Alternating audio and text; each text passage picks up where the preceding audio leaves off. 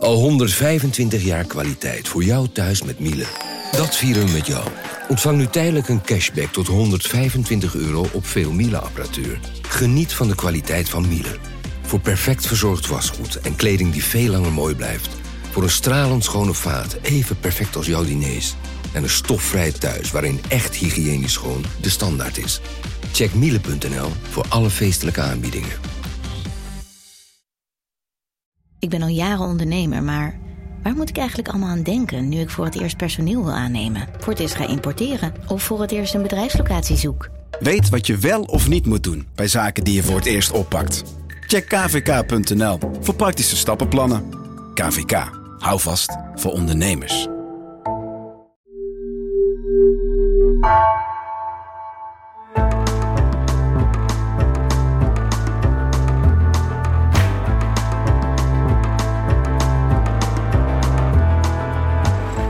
Welkom bij het uur. Ineens was het 2022. MeToo was al vijf jaar bezig. We zaten in de zoveelste feministische golf. Ik ben de tel kwijt. En in Amerika werd Roe versus Wade herroepen. Het recht op abortus zomaar ingetrokken. Een schok voor vrouwen over de hele wereld, want kennelijk kon de klok ook achteruit.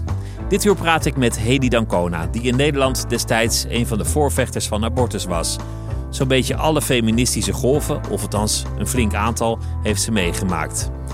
Er zijn meer redenen voor een gesprek. Dit najaar werd er een film over haar leven gemaakt, een documentaire, Het persoonlijke is politiek.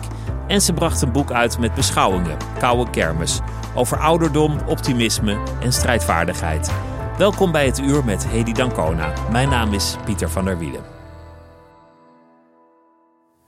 Hedy, welkom. Wat, uh, wat leuk dat je langs wilde komen.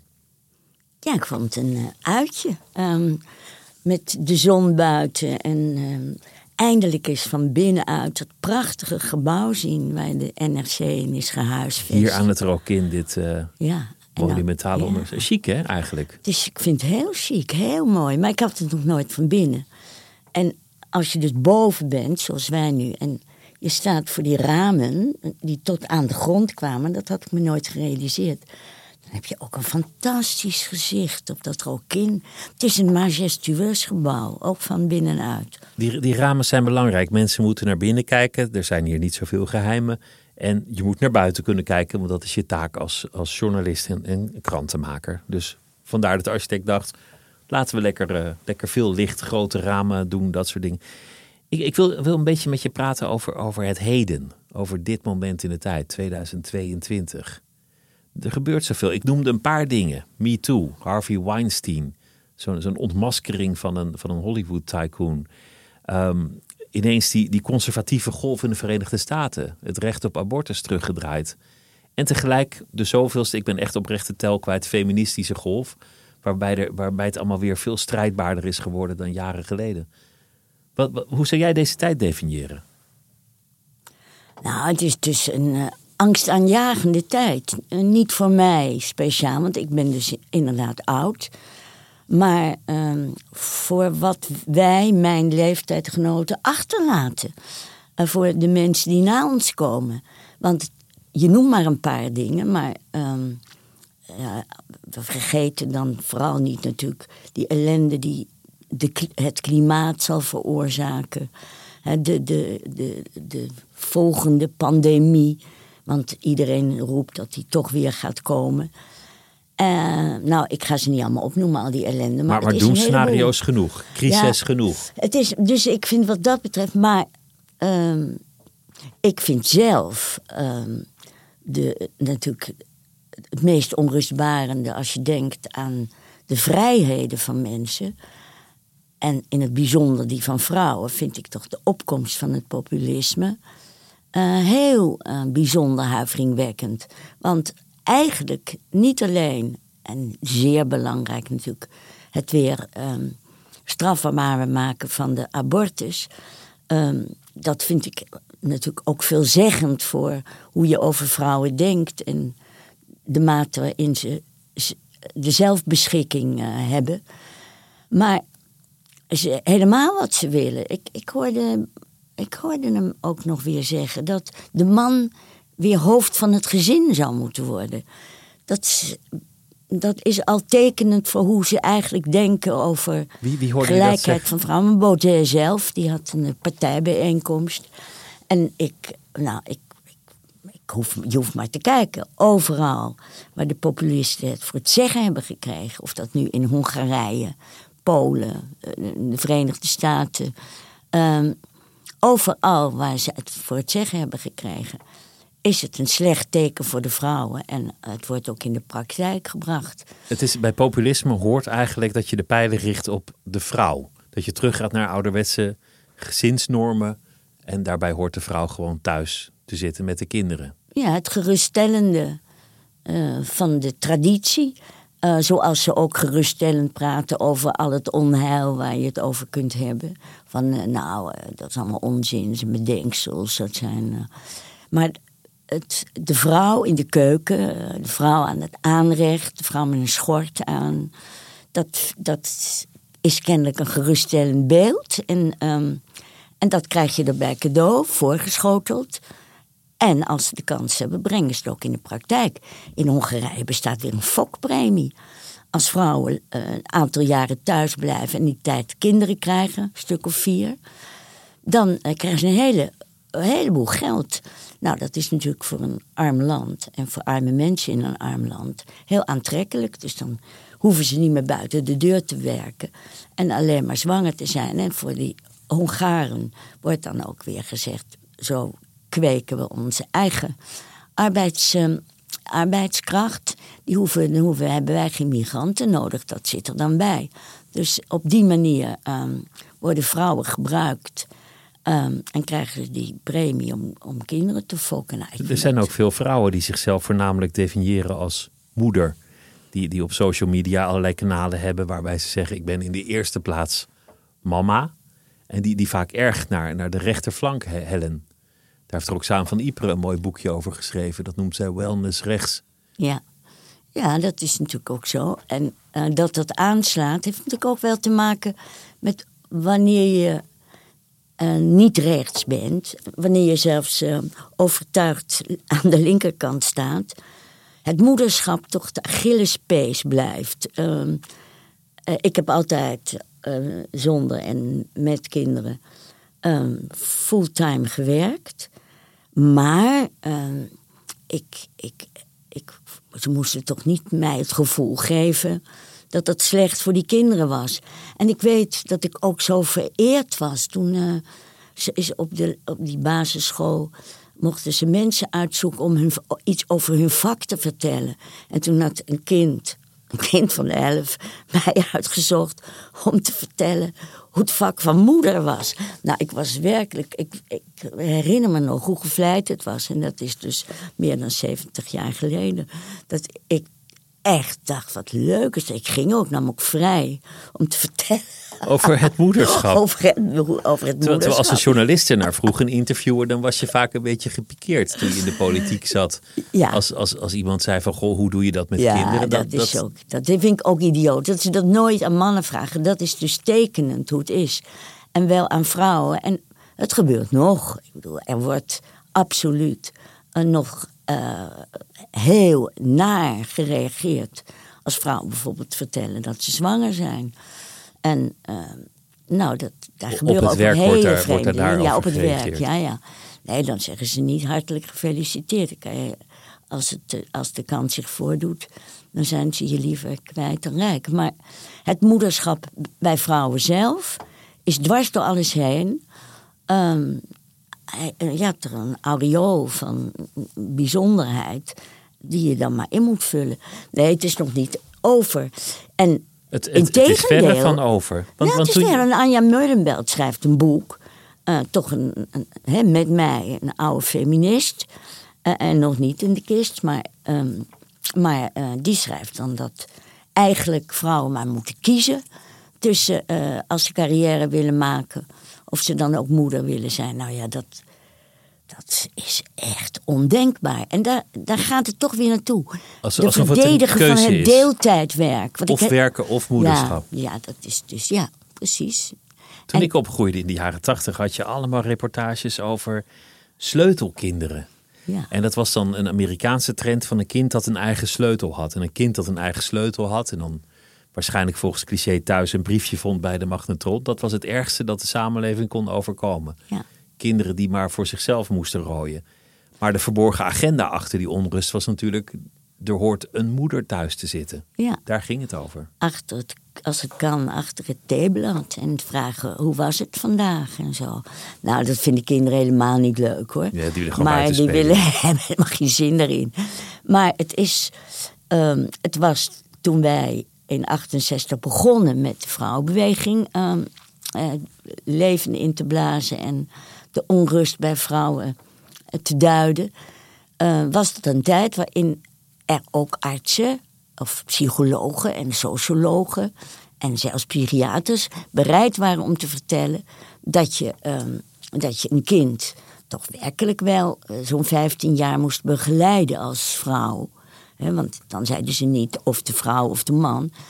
En dat wekte natuurlijk ook eh, het gevoel op dat als je dat niet deed, ja, de verantwoordelijkheid als het misliep met je kind, en dat het dan door jouw achterloosheid was. Dat je meer aan jezelf had gedacht dan aan je kinderen. Dus een druk om tekort te schieten. Dachten jullie toen in, in 68 of in de jaren 70, toen jullie bezig waren met bijvoorbeeld het recht op abortus, dat het ooit teruggedraaid zou kunnen worden?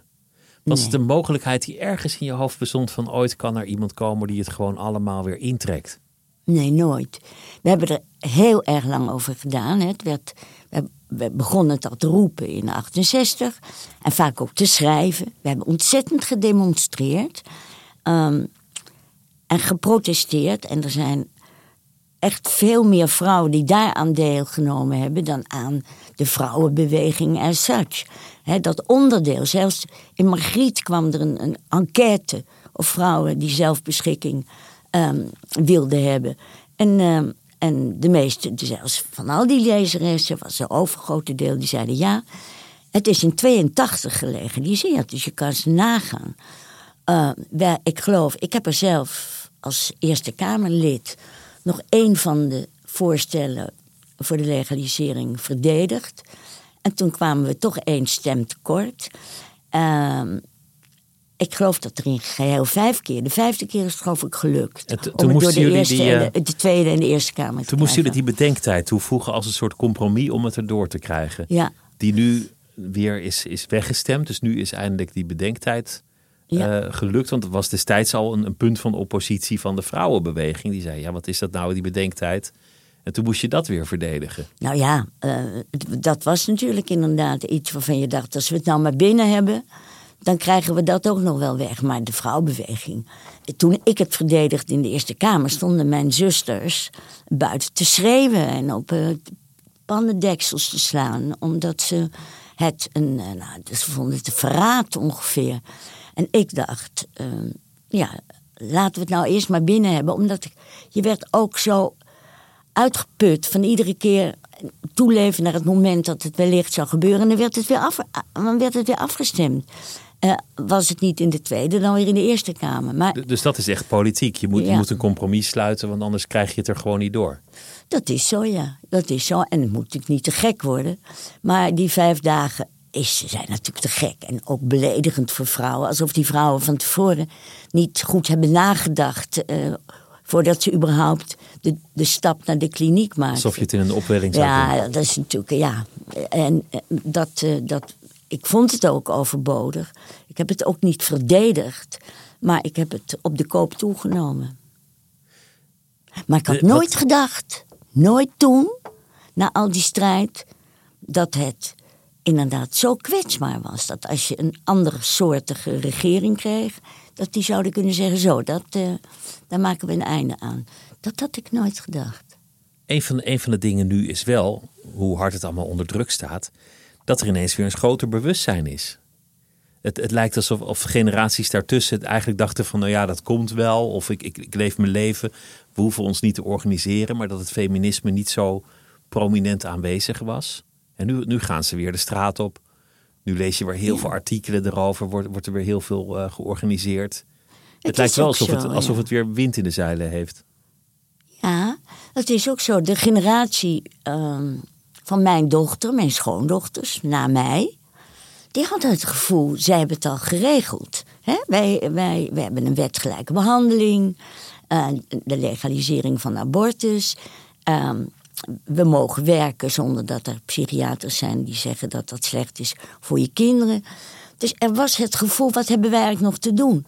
En uh, nu is er een generatie, zeker van twintigers, uh, dertigers, die uh, weer heel activistisch is. En dat gaat zelfs door. Ik krijg wel twee keer in de week mensen die een profielwerkstuk moeten maken. Die zitten nog op school voor een eindexamen bijvoorbeeld. En uh, nou, die zijn dan 17 en die komen praten over het feminisme. En grootmoeder. En dan komen ze naar jou en dan mag vertelt, je. Vertelt u, vertelt u nog eens hoe het allemaal zo gekomen is? Nee hoor. Dat zijn eigenlijk um, vooral die, nu die, die kinderen, die hebben zich heel goed geprepareerd en die uh, weten precies wat ze moeten vragen en die nemen het op. En, uh, ja, nee, ik vind, ze, ik vind het heel leuk om het te doen eigenlijk. Kost veel tijd, maar ik vind het altijd leuk. Er, is ook een soort overeenkomst. Nu wordt vaak gezegd over uh, generatie Z. Van, ze zijn heel dogmatisch, ze zijn heel streng. Je kan het snel verkeerd doen, één verkeerd woordje en je ligt eruit. Die, die generatie van, van 1968, die konden er ook wat van. Die, die konden ook aardig straf in de opvattingen zitten of heel dogmatisch zijn en ook heel streng. Nou ja, we hadden, uh, we hadden een vrouwbeweging en dat uh, liep van uh, vrouwen die zeiden: Nou, natuurlijk ben ik voor gelijkheid of gelijkwaardigheid, zeiden ze dan meteen. Hè? En die um, lazen dan het blad opzij, wat er in 72 kwam, tot radicalinski's die lesbisch werden uit, um, uit politieke motieven. Want die zeiden, je gaat niet met je onderdrukker onder de wol liggen. En, um, en die uh, natuurlijk eigenlijk zoveel mogelijk de dingen in het leven met vrouwen afhandelen. Dus niet alleen tussen de lakens, maar op vrouwenboekhandels, vrouwencafés. Vrouw, maar ja, waar, waar mannen ook... niet mochten komen, want ja, dat was de vijand. Dat was, dat was eigenlijk wel, mannen waren wel, nou, in ieder geval onderdrukkers. En um, dat was, ik bedoel, toen was ook in de loop van die tijd, was ook onze visie natuurlijk wel opgeschoven hoor. Van allemaal. In de, in, ik zeg de vrouwen zoals ik, die erover schreven, die niet meer um, genoegen namen met het inhalen van achterstanden. We vonden wel, vrouwen hadden in 68 een enorme onderwijsachterstand. Die gingen veel korter naar school en eindigden op een veel lager niveau dan mannen. Nou, is opgeheven, dat bestaat niet meer. Vrouwen hebben zelfs een voorsprong. Nou, de, en dan arbeidsparticipatie, politieke participatie. Dus macht in het algeheel, dat was het was echt een enorme achterstand. Maar wij namen geen genoegen toen meer met het inhalen van achterstanden. We zeiden, het systeem moet veranderd worden. En daarvoor moet je condities creëren. Nou, we weten dat ook allemaal wel. En wij hadden al vrij snel, na een paar jaar, dat een van de belangrijkste condities was niet dat vrouwen zeker niet deeltijd buitenshuis werkten, terwijl de mannen fulltime bleven werken. Wij vonden dat het werk het betaalde werk en het onbetaalde werk eerlijk over mensen verdeeld moest worden. En daarvoor moest je een vijfuurige betaalde werktijd hebben. Maar dan was dat hetzelfde. En waar het op uitgekomen is, is dat vrouwen deeltijd werken en man, mannen fulltime. Dat was nooit onze bedoeling. Want dan wordt ook het werk in de privésfeer niet eerlijk gedeeld. En dan heb je het niet alleen maar over het doucheputje. Wie maakt dat hier schoon? Maar uh, ook over als er ouders uh, uh, kwakkelig worden en moeten worden verzorgd. Hè, dan zijn dat de vrouwen die daarvoor opdraaien. En dat is ook logisch als die mannen fulltime werken. Dat is dus helemaal niet hoe wij die samenleving. Zo, zo hadden jullie ja. het nooit voor ogen. Nee, zo hadden jullie het nooit gezien. Nee, maar ik geloof ook dat het nog wel komt hoor. Ik blijf altijd. Ja, ben je wel. nog optimistisch? Of, of denk je het zal mijn tijd wel duren? Of denk je van goh, ik weet eigenlijk niet of het allemaal nog gaat gebeuren?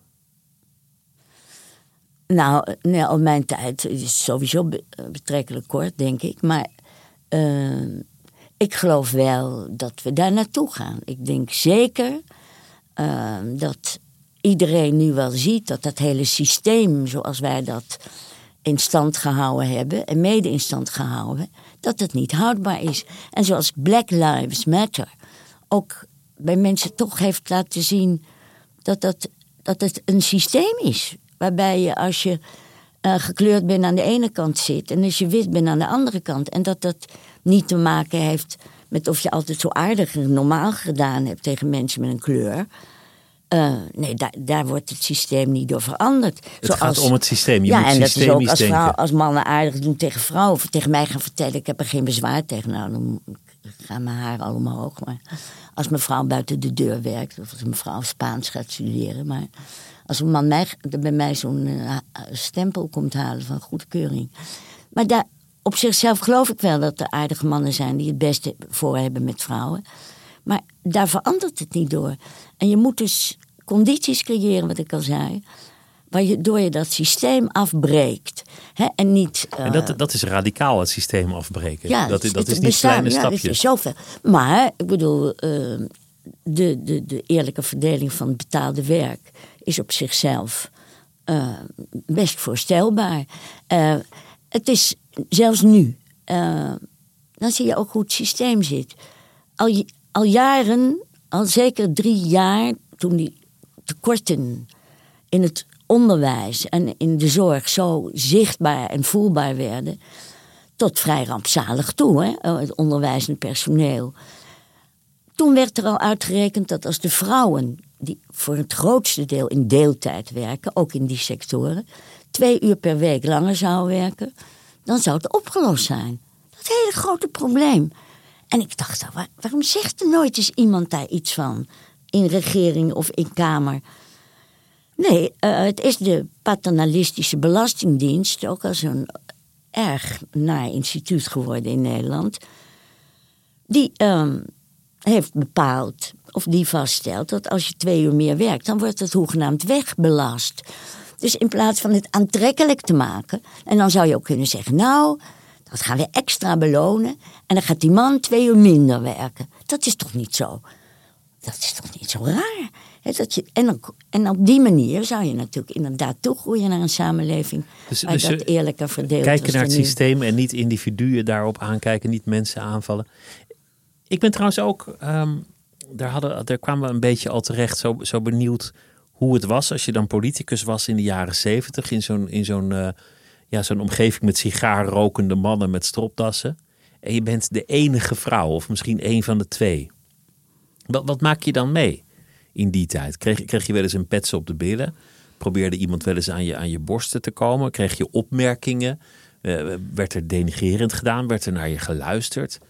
Wat, wat, wat, uh, nou, kijk, wat komt er kijk, naar boven uh, aan de herinneringen? Seksuele intimidatie als je vrij hoog in de boom zit heb ik niet meegemaakt. Een minister maar overkomt het, dat niet meer. Nee, nee. En, uh, maar uh, laat ik zeggen, de, in mannengezelschappen niet gehoord worden.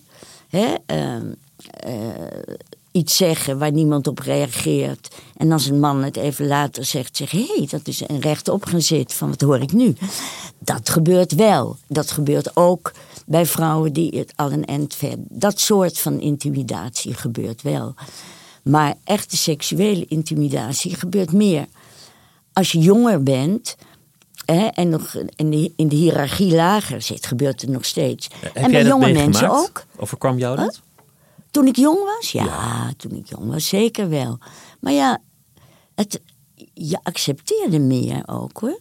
Nu, dat is het, het, het grote verschil was eerst, en dat heeft de vrouwbeweging wel tot stand gebracht, dat je het wel, uh, dat het aan werd gegeven, dat het, werd, uh, dat het op de agenda kwam. Hè? Uh, geweld, buitenshuis, in de huiselijke kring, seksueel. Hè? De, echt, er werd, voordat vrouwbeweging er was, was het punt van, van incest nauwelijks aan de orde. Dat, heb, dat, dat, dat kwam door ons op de politieke agenda. Dat was er anders, had dat nog misschien wel voortgesukkeld.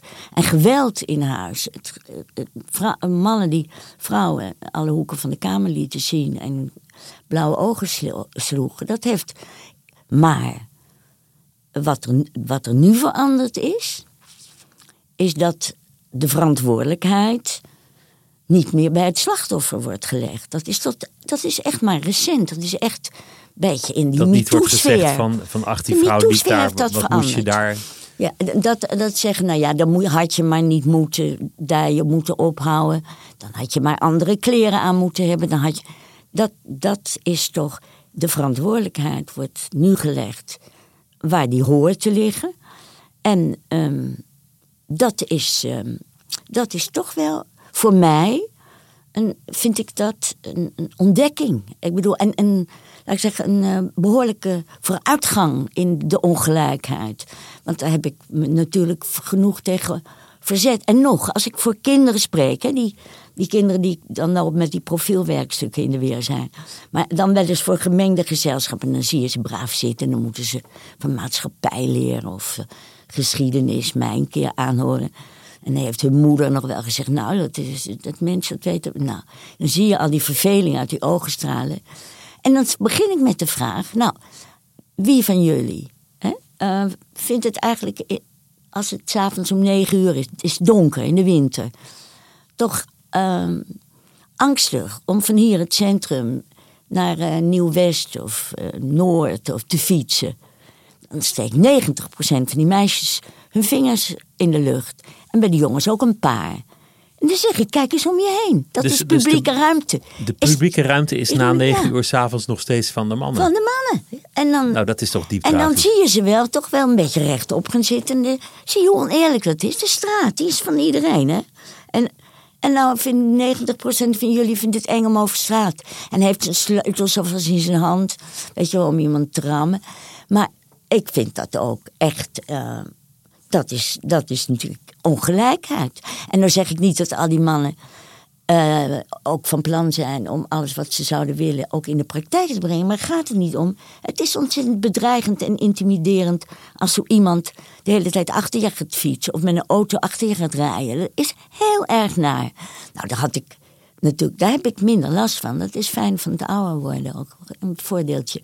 Maar eh, die jonge meiden hebben daar last van, ja. En dat is dus onterecht. Onterecht dat dat zo in elkaar zit. Dat eh, de openbare ruimte meer van de een is dan van de ander. Nou ja, dat is om moedeloos van te worden. Ja, jouw, jouw moeder is misschien eigenlijk wel voor een deel de bron van jouw, jouw feminisme. Dat, dat, want jouw moeder die heeft jou als alleenstaande moeder grootgebracht. En, en daardoor, daardoor was eigenlijk de vrijheid al bij jou geïntroduceerd. Daardoor kreeg je als kind al de ruimte. Ben je, ben je eigenlijk een klein beetje door de mazen van het net gezwierd in zekere zin. Ja, natuurlijk op alle, alle mogelijke manieren. Hè? Als je, als je ehm, eigen vader dus vermoord is ehm, door het fascisme als Jood. En je moeder, ehm, zoals de mijne, die eh, toen mijn vader, toen ze echt wist dat mijn vader niet meer terug zou komen, is verliefd geworden op een man die al drie kinderen, kleine kinderen had, een weduwnaar. En toen en ze kregen nog één samen met hem. En toen was ze 34. Sloeg het noodlot bij haar voor de tweede keer toe. Want toen kreeg die man een hartaanval. geworden. Ja, en toen had ze een slechte opleiding. Dus ze, kon, ze had een heel klein pensioentje. En ze wilde toch die vijf kinderen bij elkaar houden en, eh, en naar de goede scholen sturen. Dus ze moest werken. Dat was voor mij wel gewoon. Dus. Maar wat voor mij ook zichtbaar werd, dat hoeveel moeilijker dat was als je, als je slecht opgeleid was. Hè? Je had nauwelijks ehm, eh, de kans om, ehm, om aan goed betaald werk te komen. Die hoeveel harder je dan moest werken en wat voor rottiger werk je moest doen. Dus ik, ik, ik was op, op diverse manieren ehm, door mijn jeugd gestimuleerd. om te strijden tegen iedere vorm van racisme en fascisme en discriminatie. Van de ene kant is het een drijfveer. En mijn moeder was ook een drijfveer, want mijn moeder was waanzinnig, sterk en, en vrolijk. En betekende dus heel veel voor die kinderen. eh, die ze ook in de schoot geworpen buiten op de schoot had geworpen gekregen. Dat maakte geen verschil in dat gezin waarin ik opgroeide. Dus ik kreeg ook bewondering voor, maar ook wel hoe oneerlijk het was. En nou ja, je kunt natuurlijk van alles in je jeugd ehm, eh, een, een probleem maken in je latere leven. Je kunt ook denken, nou, ik weet het natuurlijk niet zeker, maar ik denk wel dat mijn hele jeugd, wat er met mijn vader is gebeurd en wat er met mijn moeder is gebeurd, mij van behoorlijke drijfveren heeft voorzien. En mijn moeder ook van optimisme. Want ja, als iemand natuurlijk voordoet hoe het is om altijd in een uh, depressie te verkeren, is of dat anders. Dan wanneer je niet dankzij, maar ondanks alles de moed erin houdt. En Wat dat optimisme was, is ja, en ook, jouw uh, en ook heel links was mijn moeder. En, strijdbaar en Strijdbaar, ja, ja, ja. Heel erg. Erger nog dan ik. Want maar jou, jou, jouw vader had ook nog een gezin buiten jouw moeder. Dus, dus eigenlijk was, was, was jij een soort buitenechtelijk kind. In die dan als je echt, ja, mijn, mijn ouders waren dus, toen ze verliefd op elkaar waren, ook nog anarchisten. Die trouwden niet. Dat zou een reden geweest kunnen zijn. Ehm, maar het was geen probleem. Uh, tot mijn. Ja, kijk, dat heb ik nooit precies geweten. Ehm, ze zijn een paar jaar bij elkaar geweest. En, en toen had mijn vader geen ander gezin. Maar mijn moeder was ook nogal rechtlijnig. Dus toen ze vermoedde, het vermoeden had dat mijn vader uh, het toch niet meer zo zag zitten. Toen is zij vertrokken. En met mij onder de arm. Dus ja, en toen had hij nog geen ander gezin. Maar dat, later is hij getrouwd en had inderdaad maar dat heeft ze jou nooit verteld? Dat heb jij nooit precies geweten? Nee, mijn moeder heeft mij dat pas enigszins precies verteld. En nog niet eens helemaal. Maar toen ze op de sterfbed lag, eigenlijk. Ze kreeg kanker op de 64ste. En is bij mij in huis dood gegaan. En toen heeft ze het me verteld dat er dus een huwelijk was uh, en een klein kind. En het drama is natuurlijk dat toen mijn vader gedeporteerd was, die vrouw en dat kind ook gedeporteerd zijn. En die, dat kind was twee en die vrouw was 25. En mijn vader was 36. Um, maar uh, dat zijn natuurlijk drama's. Maar mijn moeder dacht, zei tegen mij, toen ik zei: waarom heb je daar eigenlijk. Ik vond het, toen mijn moeder weer voor de tweede keer weduwe was, vond ik, dorst ik er niet naar te vragen. Het was een wederzijdse bescherming. Ik dorst er niet naar te vragen. Ik dacht, uh, dat mens heeft nou zoveel ellende in de schoot gekregen. Ik wil het. Ik, ik durf dat niet. Want dan wordt ze misschien weer heel bedroefd. En mijn moeder zei toen tegen mij... Ik heb het toen ik het haar vroeg... Ik heb het je niet eerder willen vertellen. Omdat ik bang was dat je slecht over je vader zou gaan denken. En het was zo'n leuke en spirituele man.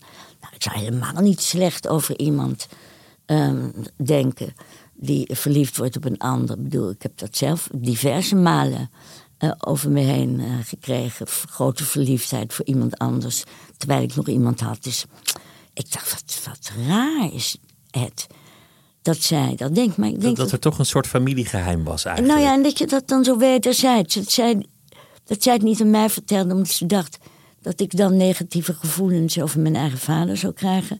En ik het niet aan haar wilde vragen, omdat ik dacht dat zij het niet aan zou kunnen om weer geconfronteerd te worden met nare en treurige herinneringen. Ja, zo zit je elkaar een beetje buiten de wind te houden, maar dat slaat natuurlijk nergens op. Is misschien ook de keerzijde van optimisme dat je, dat je dingen, uh, dat je er overheen stapt, dat je niet te lang blijft staren naar het negatieve? Nee, sure not. Nee, ik helemaal niet. Nee, ik, uh, dat, dat heb ik ook helemaal niet. Ik, ben, ik stap wel um, over dingen heen, ja. Ik, ik verdraag ze wel. Maar goed, ik heb het ook zoveel makkelijker gehad dan iemand als mijn moeder. Dat, dat eh, over mijn vader, maar goed, dat, kon, dat was het noodlot. Maar mijn moeder, die heeft het inderdaad in haar leven eh, niet gestudeerd te hebben, terwijl je dat zo graag had gewild. Dat is iets wat je altijd als een lacune in je, in je leven blijft beschouwen. Want ik kan geen andere taal spreken. Ik kan dit, dat is heel naar. Maar goed, ze verdroeg het wel. Ze, gingen niet, ze bleven niet in hangen. En, uh, maar, maar je zei over, over het gezinsleven. Dat is, dat is het interessante aan het gezinsmodel. De, de Hollywood-familie. Het moet ook maar lukken. Mensen gaan dood, mensen gaan weg. Huwelijken stranden. Mensen worden verliefd. Je, je kan zo'n dogma in stand houden van, van dat het gezin de hoeksteen is. Maar een gezin lukt gewoon niet altijd om dat in stand te houden. Ja, dat, dat, daar hoefde je mij niet van te overtuigen. Want wij hadden ik, had, ik was eh, elf jaar enigst kind geweest en grotendeels door mijn grootouders opgevoed. Dus ik. ehm, Dus jij kende dat eigenlijk helemaal dus niet. ik, ik- en toen werd ik ineens de oudste van vijf kinderen. Ik vond het alle twee prima. Ik heb er eigenlijk. Ik had een beetje moeite, herinner ik me nog wel, dat mijn moeder tegen die drie kinderen die er toen waren, kleintjes. Nou, ik ben nu, jullie mama. En dat zeg je, kunnen jullie nu ook tegen mij zeggen. En ik kreeg in ruil die papa. Nou, ik denk dat ik dat een jaar wel heb volgehouden om daar geen papa tegen te zeggen. Tegen die mama mee zij toen trouwde. En die kinderen deden dat van de ene minuut op de andere. Dus dat is het enige wat ik echt heel vreemd vond. Ehm, en dat mijn moeder ook zei, ik had door de oorlog heen nog een heel klein beetje speelgoed over. En dat nam ik ook onder mijn arm mee, zei mijn moeder. En nou, dat is nu van iedereen. Want mijn moeder die vond ook dat je daar niet zo tutterig over moest doen. Dat vind ik eigenlijk ook. En ik gaf het op. En ik heb het ook maar vijf minuten vervelend gevonden. Ik dacht, nou, eh, dat hoort erbij. En ik vond het echt leuk om. Ik vond het leuk om enigst kind en al die aandacht van volwassenen, daar heb ik me wel in gewenteld. Maar ik vond het ook leuk om kinderen te hebben waarmee je ruzie kon maken en waarmee. wel, ik richtte me in een Dus, dus toneelgezelschapje op. Past Ja. aan? In, jouw Ja. eigen leven, want je zei net, ik werd, werd wel verliefd als ik in een relatie zat. Of als ik met de een was, dan, dan was daar ineens de ander. Ehm, ja, tegen, tegenwoordig hebben ze daar allemaal chique termen voor. Van polyamorie is er een van. En, en is het een soort ideaal. Bij jou gebeurde het gewoon. Dat, dat, dat Ja. jouw, jouw liefdes-cv is, nou ja, rommelig zou je kunnen zeggen. Maar daar zit al een soort oordeel in. Nou ja, dat is ook wel zo. ehm, maar ehm, het zou natuurlijk. Kijk, het gezinsmodel, dat was ik niet gewend. Ik had van huis uit nooit in een, met een vader, een moeder en een hond en twee kinderen. Dat was bij mij niet. Het was altijd al raar. In de oorlog en na de oorlog ook. En ehm, zonder dat ik dat vervelend, zonder dat ik zat te verlangen naar een traditioneel gezinsmodel. Dus dat, dat was ook niet wat ik na had geschreven. Ik vond het gezin helemaal niet de hoeksteen van de samenleving. En toen de vrouwenbeweging onder andere dat ook hardop verkondigde, daar was ik het daar echt mee eens. Maar ehm, het is heel ongemakkelijk. Net zo ongemakkelijk als het moederschap eh, wat wordt aangetast. Ehm, dan sta je ook niet stevig in je schoenen. Maar eh, dat geldt natuurlijk ook voor dat als je, als je verliefd wordt op een ander. en degene met wie je bent verdraagt dat niet. dat, ehm, dat is ontzettend ongemakkelijk. Want je doet de ander dan degene die je niks doet. Je bent alleen eh, met zo iemand samen of zelfs getrouwd.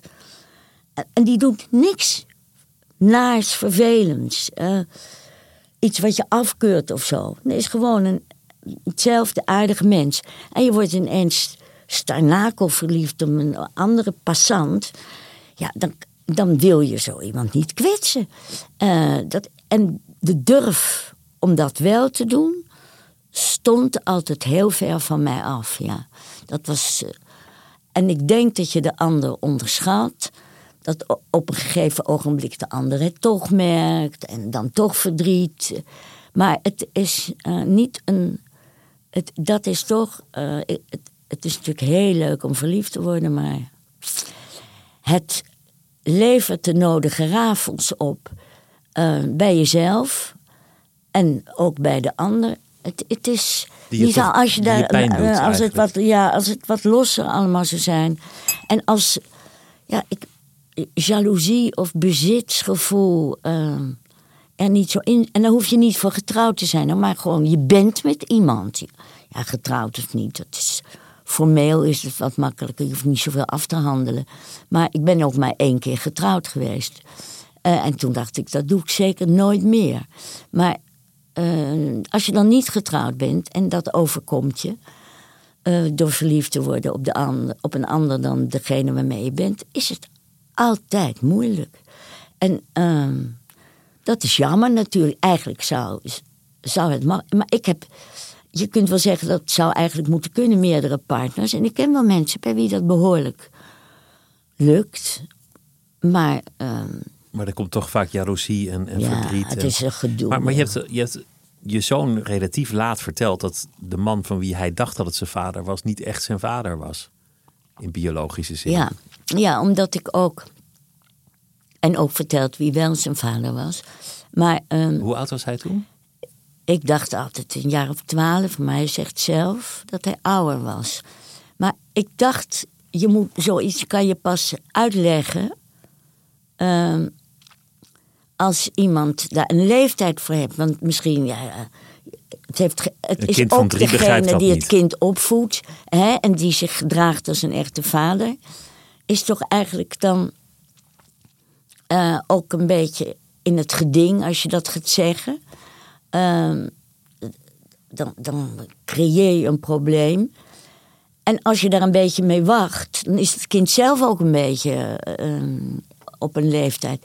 Ik, ik weet niet of ik dat nog weer een keer zo zou doen. Ik geloof, Hoe, hoe kijkt je zoon daarop terug? ik geloof dat mijn zoon ehm, eh, eh, toch vindt dat ik dat eerder had moeten zeggen. En ik, dat was weer, kijk, zo zit je elkaar te beschermen. Hè? Dat, wat- dat, dat Maar wordt, dat is weer dat optimisme en, dat- het niet kijken naar het ja, negatieve. en denken van, ach, moet iemand toch een beetje de leeftijd voor hebben... om dat een beetje in- in de gaten te krijgen hoe dat kan gaan en hoe dat zit. En het... eh, en, ja, en... en eh, ja, dat- ik weet niet. Ik heb niet het gevoel dat ik dat goed heb gedaan. Nee. Had ik beter eerder kunnen zeggen. De, de, de liefde kwam op late leeftijd in, in, eh, in vol ornaat nog je leven binnen. Ik heb een late liefde. Ja, Een late liefde, een, een lange late liefde. ja. Die, die het meest duurzaam bleek in, in jaren, geloof ik, van al je liefdes. Ja, maar ik heb wel eens gezegd, ook of opgeschreven. Het was een late liefde, een grote liefde met Aad Veldhoen, een beeldend kunstenaar. Ehm, dat ik was toen, ik op hem verliefd werd en hij op mij geloof ik 59, nee 61. Dus dan kan je spreken, nou ja, waarom gedijt zoiets beter? Er zijn tal van redenen. Er komen geen kinderen meer en de aandacht die toch naar kinderen uitgaat... die kan je beter aan elkaar besteden, want eh, verliefd worden op een ander. En heeft ook vaak te maken met gebrek aan aandacht voor elkaar. En dat komt van twee kanten. Dat is. Eh, en die, die kans op dat verwaarlozing van een relatie. ehm, die treedt minder gauw op als er geen kinderen in het geding zijn. Als je zelf wat meer tijd hebt. En dat dan wel in je hebt opgeslagen. Dat je, dat je aan de ander aandacht moet blijven besteden. Aan de buitenkant en of ook aan de binnenkant. Ook, eh. en was, ik, ik viel altijd nogal op introverte mannen. En iemand als Veldtoen zei meteen... Wat doe jij zagrijnig? Of had meteen. Zei ook altijd, er zit een vlek op je blouse. Dus dat vond ik eigenlijk, dat was aandacht van buiten en naar de binnenkant. En als iemand zegt, wat doe jij zagrijnig? Dan zeg je misschien wel, hoe kom je erbij? En dan denk je toch een paar minuten later, ja, nou, ik geloof wel. Dus dan kan je ook zeggen waarom je zagrijnig doet. Of waarom je het nergens om doet. Maar dat, het wel, dat je wel zagrijnig... Dus Het- dan kan je zeggen, sorry, pardon. Dus dat is makkelijker als je ouder bent. Om dat soort dingen te voorkomen. En er zijn natuurlijk inderdaad die niet meer als je oud bent... eh, van die passerende heren waarop je valt. Dat gebeurt er ook niet meer zo gauw. Dus de verleidingen buiten de deur zijn ook geringer. Het, ehm, het is echt aan te raden. Natuurlijk ook weer niet te lang te wachten, want dan krijg je weer twee oudjes together. Dat kan wel best. Maar als je, om, er weer aan te beginnen, daar zou ik toch niet zo aan moeten denken. Maar En, en de Ehm. tijd is schaars. Ik denk dat dat een, liefde ook makkelijker maakt. Omdat je, dat je gewoon weet van, nou ja, we hebben hooguit zoveel jaren samen. ja, je Dus zit waarom het zouden we niet, moeilijk doen? Waarom zouden we ja. nu nog ruzie gaan maken als we nog maar een paar decennia Nou, een paar decennia, dat is Nou, zo als je niet eens- 59 bent, dan kan je toch nog wel even door. Maar Nou ja, maar wat jij zegt is wel waar. Kijk, eeuwige trouw schrijf ik dan in dat boekje. De eeuwigheid is een stukje korter hè, als, je, als je oud bent, dat is waar. En, en, en, ehm, en de verleiding buiten de deur. En de, maar het is waar, de, de late liefde is gemakkelijk, maar, gemakkelijker. Maar ja, kijk, als de ander zich als een oude knorrenpot ontpopt. Nou, dan, eh, dan ben je natuurlijk ook zo weer verdwenen, ik wel. Het moet, het moet toch eh, leuk blijven. Want je hoeft niet met z'n tweeën, weet je wel. Single kan net zo goed. Alleen is ook leuk. Ja. hoe, hoe is het nu? Want nu ben je single, weduwe. Ik weet eigenlijk niet hoe je dat zelf Nou, ik ben meer single. Ja, ik vind weduwe ook zo. Het hangt meteen ze een soort droefheid over- Ja, dan over moet ik altijd nog in het zwart hier zitten. En jij bent in het zwart vandaag, maar ik niet. Maar ik... ehm, nee, ik vind weduwe, dat is, klinkt zo heel treurig. Ehm, maar eh, hoe dat is, single? Nou, het is toch vaak wel veel gezelliger... om met iemand die je heel erg leuk en lief en prettig vindt... in een bed te liggen. Dat blijft altijd wel een ding. Dat alleen slapen is niet echt... Ik weet nog wel dat toen ik, toen ik als enigst kind broertjes en zusjes kreeg... dat ik echt dingen cadeau gaf als er iemand naast me bij me in bed kwam liggen. Dat vond ik toen al leuk. Leuker, op mijn elfde, mijn twaalfde. Want ik had ook in de oorlog heel vaak naast mijn moeder gelegen. En, en eh, nou ja, en toen mijn, lag mijn moeder na de oorlog dus met een andere man in bed. Dus dan kocht ik mijn zusjes wel om of ze bij mij in bed wou komen liggen. Voor de gezelligheid. Maar dat vind ik nu nog steeds. Ik vind het te ongezellig om alleen in bed te liggen. een groot koud bed. En overdag, ja goed, ik heb werk, ik heb, eh, ik heb veel te doen. Ik, eh, ik creëer ook werk, ik bedenk nieuwe dingen. Ik, ik eh, ik kan mezelf ook nog wel verwennen. Dat is wel misschien, als een ander het niet doet, is het wel ehm, prettig als je het zelf doet. Dat kan, kan ik wel. Om, het, het is niet alleen, je, mo- je moet ook. Je, moet ook uit blijven gaan en niet denken: wat is het ongezellig om alleen. eh, dus leuke dingen voor jezelf organiseren. Ja, het kan best hoor. Ja, Voor jezelf koken, hapje. cadeaus, Zelf dingen. Koken jezelf, voor jezelf. Alles wat je voor de ander deed. Ja. De, ook, ook hier weer dat optimisme. Gewoon wat je ook over je moeder zei. Doorgaan, niet te lang staren naar het leed.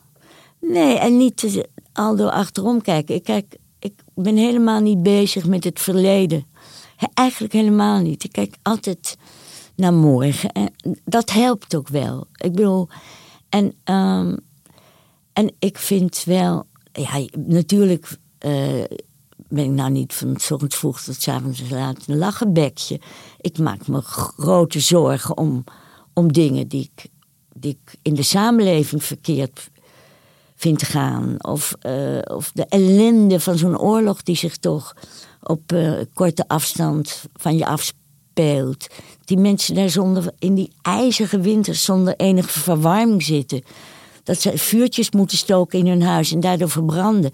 Ja, daar kan ik toch niet zeggen, nou, eh, kopje op. Nee, maar, maar ja, erin blijven hangen heeft natuurlijk ook weinig zin. En, ehm, en vooral, ja, vreugde beleven aan het feit dat je niet in die ellende zit. Want als jij, als je, eh, eh, ik ben, ik was altijd echt zo blij ook met Europa, omdat ik dacht, nooit meer oorlog. Dat, dat, hè, dat is Dat, dat was het ideaal. dat was, zo, dat was het ideaal.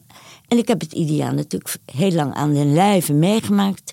En ik vond het niet vanzelfsprekend dat in een werelddeel Europa zich de eerste 50 jaar twee van die gruwelijke oorlogen had afgespeeld, hadden afgespeeld. En ik beleefde die vrede echt als een geschenk en als de eenwording van Europa. Dat, dat voelde ik.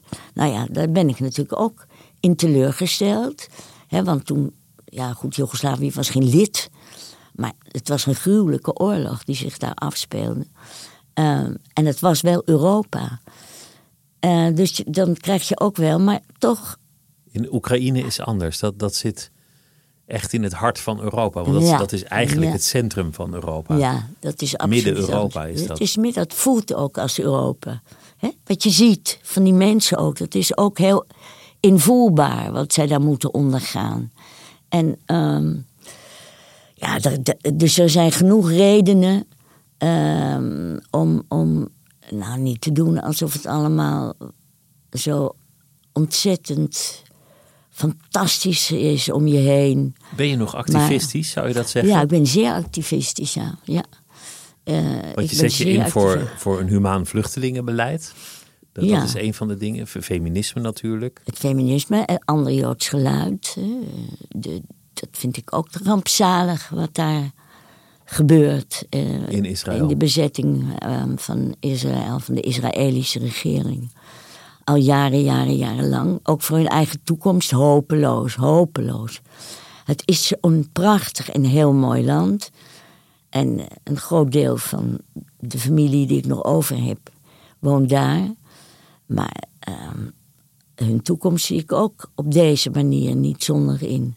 Maar en, ja, en zelfbeschikkingsrecht is iets waar je ook voor, voor strijdt. Het is zelfbeschikking. Dat is ook actie. Het zelfgekozen levenseinde. Ja, dat is ook een activisme. Nou ja, kijk, een heleboel politiek en beleid begint natuurlijk wel met activisme. Uh, uh, doordat je het aan de keukentafel niet regelt. Dat geldt voor de abortus, maar dat geldt wat zelfbeschikking is. Dat geldt ook voor dat zelfgekozen levenseinde. Dat moet in beleid worden geregeld. Uh, en dat is nog steeds niet zo. Zolang er één, een regering hier alleen nog maar kan worden gevormd als de ChristenUnie meedoet, dan weet je al dat dat wetsontwerp niet uh, geregeld zal worden. Zou, zou jij het zelf willen, een, een pil in huis hebben? Ja. Niet, niet meteen om door te slikken, maar gewoon dat hij nee. er is? Ja, helemaal niet. Ik bedoel, ik zie geen enkele reden. Of een drankje of... Uh, ja, nou ja, goed. Pil of drankje doet er niet, of een poeier. Uh, ik vind dat het voor heel veel ouderen, ik weet dat ook... Um, een prettiger oude dag zou betekenen als ze willen dat zij zelf bepaalden wanneer het genoeg was. En um, dat, dat, dat je de keuze hebt. En dat je geen onomkeerbaar lijden hoeft te hebben, zoals het nu in de wet geregeld is. He, dan moet je een onomkeerbaar lijden verkeren als de huisarts dat uh, mag doen. Maar als je zegt, ik, ik wil het niet meer en daar heb ik mijn eigen particuliere redenen voor. Nou, dan kan dat niet, nee. Ik las vanochtend een stuk in de krant van twee artsen die zeiden: we moeten ouderdom niet per definitie problematiseren. Niet doen alsof ouderdom op zichzelf een ziekte is. En niet meteen bij ieder kwaaltje denken van: oh ja, dit moet, moet door een arts worden behandeld. Die, die zeiden: we doen alsof ouderdom, uh, alsof je als je oud bent, ben je per definitie een punt van zorg, van ziekte en, en heb je hulp nodig. Oh, dat, ben ik, dat onderschrijf ik zo. En dat beschrijf ik ook in die twee boekjes. Ik schreef eerst Vrolijk Verval, omdat ik me ontzettend ergerde aan uh, dat bestempelen van de ouderdom als kwetsbaar, compassiebehoevend, uh, treurig, vereenzaamd. Uh, nou, eh, dat, dat vond ik werkelijk echt nergens op slaan. En uh, daar heb ik dus uh, grappige verhaaltjes over geschreven. Die heel veel mensen hebben gelezen. En ik hoop ook dat ze zich gaan gedragen. En nu heb ik het tweede boekje geschreven op dezelfde toon, heet Koude Kermis. Waarbij ik toch, behalve uh, die individuele beleving van de ouderdom, ook even een aantal dingen behandel. Die nog steeds even achterlijk geregeld zijn als toen ik er in mijn jeugd voor streed. Mijn jonge jaren, laat ik dat zeggen. Maar ja, toch nog steeds met het idee van het zal wel recht komen. Maar uh, toch laten zien hoe, hoe gek het is. Uh, die, die, de grenzen overschrijdende seks. En dan uh, hoe bespottelijk het is om, terwijl ik nog nooit van een dikpik gehoord had. Ik wist helemaal niet wat dat was. Dat je ineens wekenlang uh, daarop vergast werd. En ook wat ik dacht, wat idioot dat mannen denken. Dat als een vrouw zo'n gerimpelde worst naast het ontbijtbordje in de telefoon ziet, dat, dat ze dan in lust ontsteekt. Wat een gekte. Jij vergelijkt het met, ook, met de heiger. Jullie, je zei ja, vroeger dat hadden toen wij, dacht, ja, ik heb heel veel dingen gezegd, want ik ben ook niet van vroeger was alles beter. Wij hadden de heigers aan de telefoon. En de heiger, dat, dat was voor, voor generaties die dat he, hebben gemist dat iemand opbelde, nog op de vaste telefoon met zo'n krulsnoer en een draaischijf. En dan als, als een vrouw opnam, dan begon die kortademig door, door, die, door die hoorn te kwijlen. In de hoop ook eigenlijk iemand te intimideren. Want ja, dat, want dat dan riep mij je dus, een, een als je het in de gaten had, dan riep je, gadverdamme, want het gebeurde soms zo twee keer in de week. Bij tienduizenden hoor. En smeek je, nou dat was het. En toen hadden wij de NVSH, de Nederlandse Vereniging voor Seksuele Hervorming, die in die jaren uh, met een keurige mevrouw Zeldenrus Nordanus als wijze voorzitter. En die leidde toen vrouwen op tot uh, eh, die aan de hijglijnen van de NVSH gingen zitten. Vrijwilligsters, en die deden dat. En dan konden die mannen naar die lijnen bellen. Nou, na 2,5 jaar, door te groot succes, moest de NVSH die lijnen sluiten. Terwijl het gewoon was doorgegaan op de, gewoon op de informele manier die daarvoor bestond. Het is pas opgehouden. Het is pas toen het anonieme bellen uh, ophield. Want toen, toen de nummerherkenning uh, herkenning, ja, erbij kwam. maar vroeger is, was niet alles beter. En dat zien we nu ook. Alleen uh, is er dan niks gebeurd? Ja. of het nu om, om misbruik van macht gaat in de werksituatie. Of door de seksuele intimidatie. Het wordt aan de kaak gesteld en de, en de daders worden ter verantwoording geroepen. Dat is al vooruitgang. Dat het nog steeds gebeurt is natuurlijk treurig. Dat we daar geen. Uh, in een andere vorm, maar het gebeurt, ja. Dat zo'n Harvey Weinstein eindelijk is ontmaskerd. Ja. En eindelijk gestraft is. Voor, voor die daden die hij decennia lang heeft volgehouden. Dat is natuurlijk pure winst. Dat, dat is zo'n pure man winst, eindelijk struikelt. absoluut. En dus toch een beweging op gang brengt. Hè, die, um, die, die heel verre. Het is een steen in de vijver die heel veel rimpelingen vertoont. En dat is heel erg goed. Um, heel erg goed. En daarmee heb je het niet 1, 2, 3 uit de wereld. Want er zullen wel weer andere dingen bedenken. Maar toch vind ik het um, een goed gevoel dat vrouwen het kunnen melden. En dat ze ook, want het is mij natuurlijk toen ik jong was ook overkomen. En je accepteerde het omdat je toch een beetje het gevoel had dat het erbij hoorde. Het waren niet de ergste vormen. Hè? Je werd niet, eh, als je, als je verkracht wordt in, in, in het struweel, denk je er wel anders over. Maar het waren toch duidelijk vormen. Ik ben nog wel eens ontslagen. Um, ook bij de VARA, waar ik een programma presenteerde omdat er een van die mannen, een man met een gezin, op mij verliefd geworden was. Wat ik, waar ik niks van wist.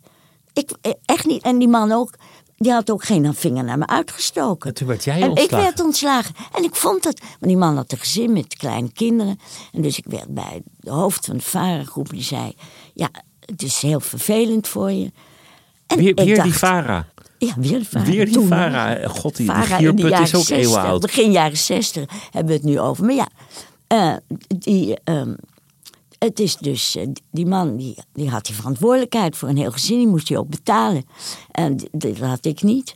En ik had ook nog wel andere mogelijkheden. Maar het is, dat vond ik ook gewoon. Dat was je, terwijl dat, dat ik dacht, nou, ik lijk wel gek.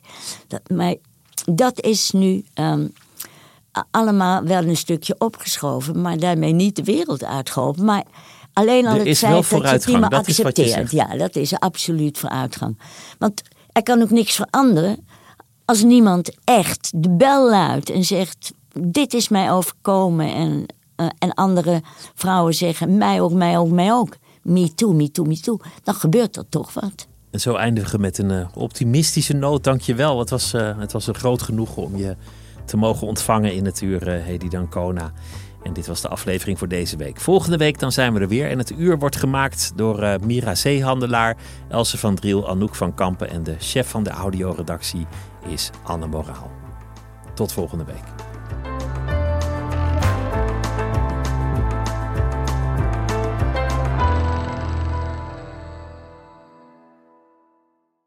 Technologie lijkt tegenwoordig het antwoord op iedere uitdaging. Bij PwC zien we dit anders. Als we de potentie van technologie willen benutten, kunnen we niet zonder een menselijk perspectief. Human-led, tech-powered noemen we dat. Ga naar pwc.nl.